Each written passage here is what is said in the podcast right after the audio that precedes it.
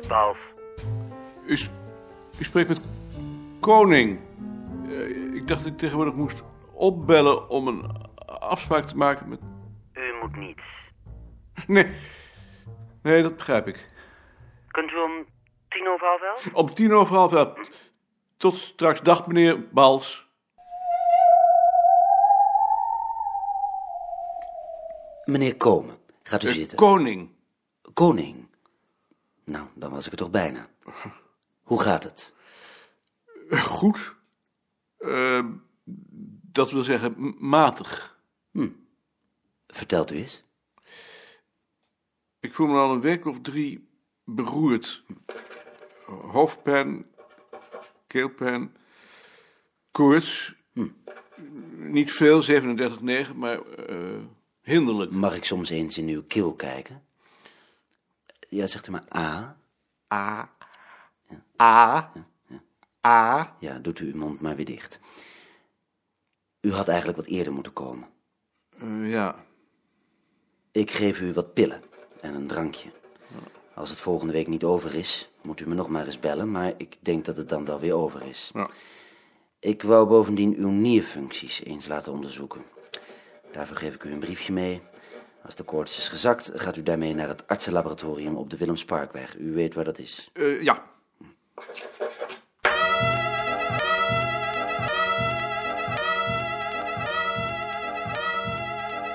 En? Ik heb pillen en een drank gekregen. Maar wat zei hij? Verder zei hij niets. Zei hij dan niet wat je had? Nee. En heb je hem dat ook niet gevraagd? Nee. Maar zoiets vraag je toch? Ik heb er niet aan gedacht. Daar begrijp ik niets van. Je gaat naar de dokter en je vraagt niet eens wat je hebt. Waarom ga je dan naar de dokter? Om die pillen te halen. Die neem je toch zeker niet? Tuurlijk neem ik die. Je gaat toch zeker geen chemische rotzooi in je lichaam stoppen?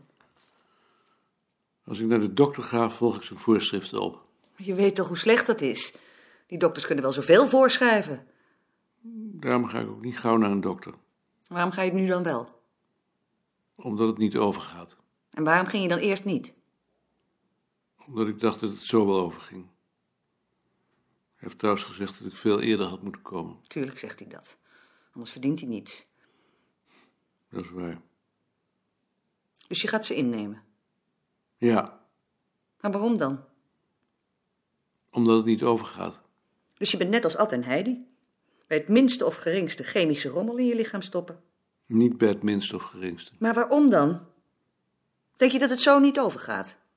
Dat weet ik niet. Je moet er toch een reden voor hebben? Het gaat niet over. En dan stop je je maar vol met chemische rommel. Wat gebeurt er dan als je het niet doet? Dat weet ik niet. Dus je doet gewoon maar wat zo'n dokter zegt. Als ik naar zo'n man toe ga, dan ga ik toch vervolgens niet tegen hem indokteren. Maar ik begrijp het niet. Er moet toch een reden voor zijn? Waarom laat je het niet gewoon overgaan? Omdat het niet overgaat. Hoe weet je dat?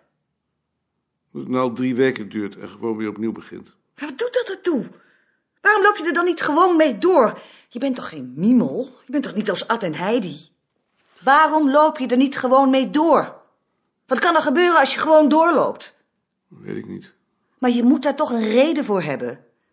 Omdat de dokter zegt dat ik er niet gewoon mee moet doorlopen. Waarom dan niet? Is dat dan niet goed? Dat weet ik niet. Misschien kan het dan chronisch worden. Chronisch? Of je kunt allerlei vervelende complicaties krijgen. Kanker of zo. Kanker? Dus ik krijg kanker. Omdat ik het verdomme om die rotzooi in te nemen, daarom krijg ik kanker. Ik zeg toch niet dat jij kanker krijgt? kanker. Waar haal je die onzin van? Hoe weet jij dat? Heb je dat soms ergens gelezen? Net als Ad en Heidi soms. Jij bent toch geen dokter?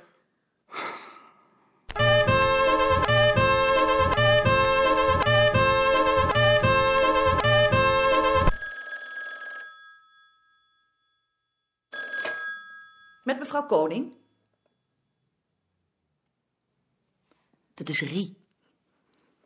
Ze vraagt of een paar mensen van het bureau even langs kunnen komen. Kan dat? Ja, dat kan wel. Ja, dat kan wel. Goed. Tot straks. Ze komen tegen de koffie. Nou, dan kunnen ze meteen zien dat je echt ziek bent, zoals je er nu bij zit. Wie komen er? Weet ik niet, dat zei ze niet. Nou, Ik ga even naar de bakker om wat bij de koffie te halen. Ja. Hij dacht aan haar opmerking dat ze nu konden zien dat hij echt ziek was. Nu hij zich van het effect bewust was, kreeg het het karakter van een demonstratie en dat maakte hem onrustig. Hij zat ook niet meer zo lekker en hij was er ook niet zeker van dat hij niet net anders zou zijn gaan zitten als er niet was opgebeld. Dat maakte het zo ingewikkeld dat hij zonder verder nadenken het witte kussen terugbracht naar de slaapkamer, zich verkleedde en de andere kussens weer op hun plaats legde. Waarom heb je dat gedaan? Dat weet ik niet. Maar nu zien ze niet dat je echt ziek bent. Ik ben ziek. Dat moeten ze dan maar aannemen. Als ik ziek ben, ben ik ziek. Maar Dan hoef je toch niet te doen alsof je niet ziek bent? Ik dacht dat jij met vakantie was. Ik was ook met vakantie. Ben je op je vakantie ziek geworden soms? Voor meneer. Jezus, een fruitmand. Willen jullie niet gaan zitten? Sine heeft ze gekocht en Lee en Rie hebben hem samengesteld. Willen jullie alle drie koffie? Het is meesterlijk. Jitske drinkt alleen thee. Nee hoor, ik, ik wil ook best koffie. Je kunt ook thee krijgen, hoor. Nee, geef mij ook maar koffie. We waren al een week thuis. We zijn eerder teruggekomen omdat we weg zijn geregend. Oh, daar ben je natuurlijk ziek van geworden. Dat denk ik niet. Gert, jij was hier nog nooit geweest, hè? Ik vind jouw boekenkast heel indrukwekkend. Je bedoelt intellectueel. Ja, dat ook natuurlijk. Wie is dat nou? Josephine. Die komt van Prinseneiland. Daar hebben ze er bij een verhuizing gewoon op straat laten zitten. Jullie hebben toch nog twee katten? Achter je. In de manden. Oh ja. Zo, Hoe gaat het op het bureau? Goed hoor. Je wordt niet gemist. Jawel hoor. Maar niet door jou. Nee, Jij leeft helemaal op. ja, helemaal. en hier is een plak cake. En je moet van iedereen de groeten hebben natuurlijk. En beterschap. Dank je. Doe iedereen de groeten terug. Ehm, eh, heb- ehm, hebben, eh, hebben ze die draaideur nou al weggehaald? Eh, Hoe was het afscheid van Meijerink eigenlijk? Oh, dat was niks. Nou, ik vond het wel aardig. Wat heeft hij gekregen? De geschiedenis der Nederlanden. Dat zou ik ook wel willen hebben als ik met pensioen ga. Wist jij al dat Wim Bosman naar het ministerie gaat? Ja? En op de afdeling die over het hoofdbureau gaat. Dan kan hij ons lekker dwars zitten. Wie is Wim Bosman ook weer? Eh, dat is die jongen die toen bij muziek heeft gesolliciteerd en die ze niet wilde hebben omdat hij te katholiek was. Ja? Ja, ja daar ben jij aan ontsnapt. Je hebt geluk gehad. Ja, ja of niet. Of niet? Ehm, en hoe gaat het nou met de mappen? Loopt dat een beetje?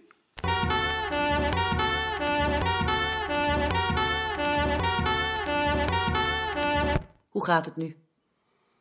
Belazerd. Wat heb je dan? Niks. Belazerd.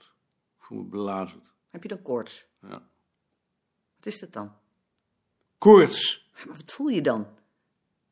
Gewoon belazerd.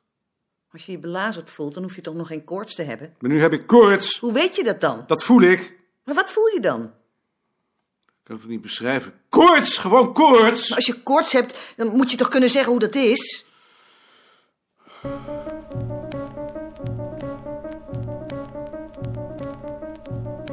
In het donker werd hij plotseling overvallen door de gedachte dat hij misschien niet lang meer te leven had. Dat bezorgde hem een gevoel van paniek die hij met moeite onder controle hield. Hij was klaarwakker. Nicolien sliep. Buiten stormde het. Een zware noordwesterstorm. Van het dak vielen stukken steen op het glas van de lichtkoker. Het raam rammelde. In huis werd gelopen, zoals zo vaak midden in de nacht. Boven zijn hoofd klonken voetstappen. Hij ging op zijn rug liggen om beter op te kunnen letten. Zijn hart klopte onregelmatig. Geen enkele geruststellende gedachte.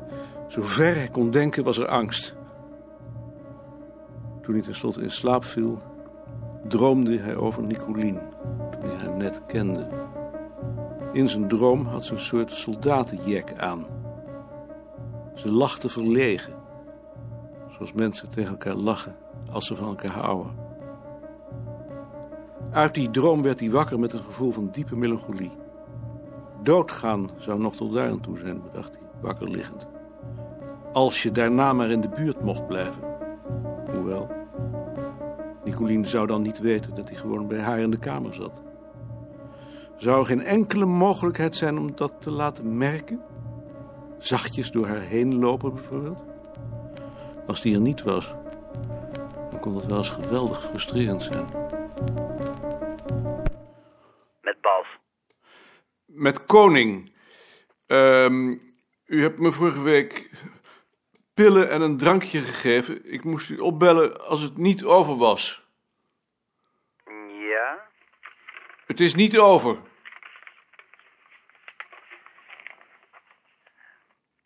Dan zal ik u andere pillen geven. Andere pillen? Ja. U hebt een keelwandontsteking. Dat is niets bijzonders, dat komt meer voor. De pillen maken het slijm los en dan gaat het wel over. En die koorts dan, is dat van die ontsteking? Hebt u ook koorts? Ik heb ook koorts. Nee. Dat is wel gek. Komt u dan toch maar even. Kunt u om vijf voor half elf? Gaat u zitten. U hebt dus nog koorts, zei u. Ja, Hoge koorts? niet hoog, maar eh, hinderlijk. Z- 37,9. Ja. Ja, dat is koorts. Dan wil ik toch wel eens uw bloed laten onderzoeken. Dat was u al van plan. Wat zegt u? Eh, u zou mijn nierfuncties laten onderzoeken. Heb ik dat gezegd? Ja, Hebt u dat briefje nog? Verscheurt u het maar. Ik zal een nieuwe schrijven. voor mijn nierfuncties? Nee, niet voor uw nierfuncties, die zijn wel in orde.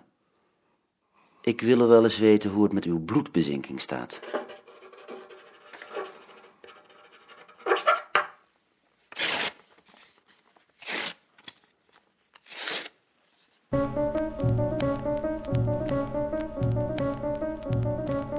Als ik één uur mocht overdoen, dacht hij, wakker liggend... dan zou ik met Nicolien in de late schemer... door de Vlierboomstraat en langs de Copernicuslaan... naar de stad wandelen en om nog een uur vragen. Om een borrel bij de posthoorn te drinken. Hij had ook de Columbusstraat in de late avond kunnen noemen... of de Dennenweg op een warme zondagmiddag. Want nergens anders had hij zo sterk het gevoel gehad... dat hij wist wat de zin van het leven was... als in die oude Haagse straat.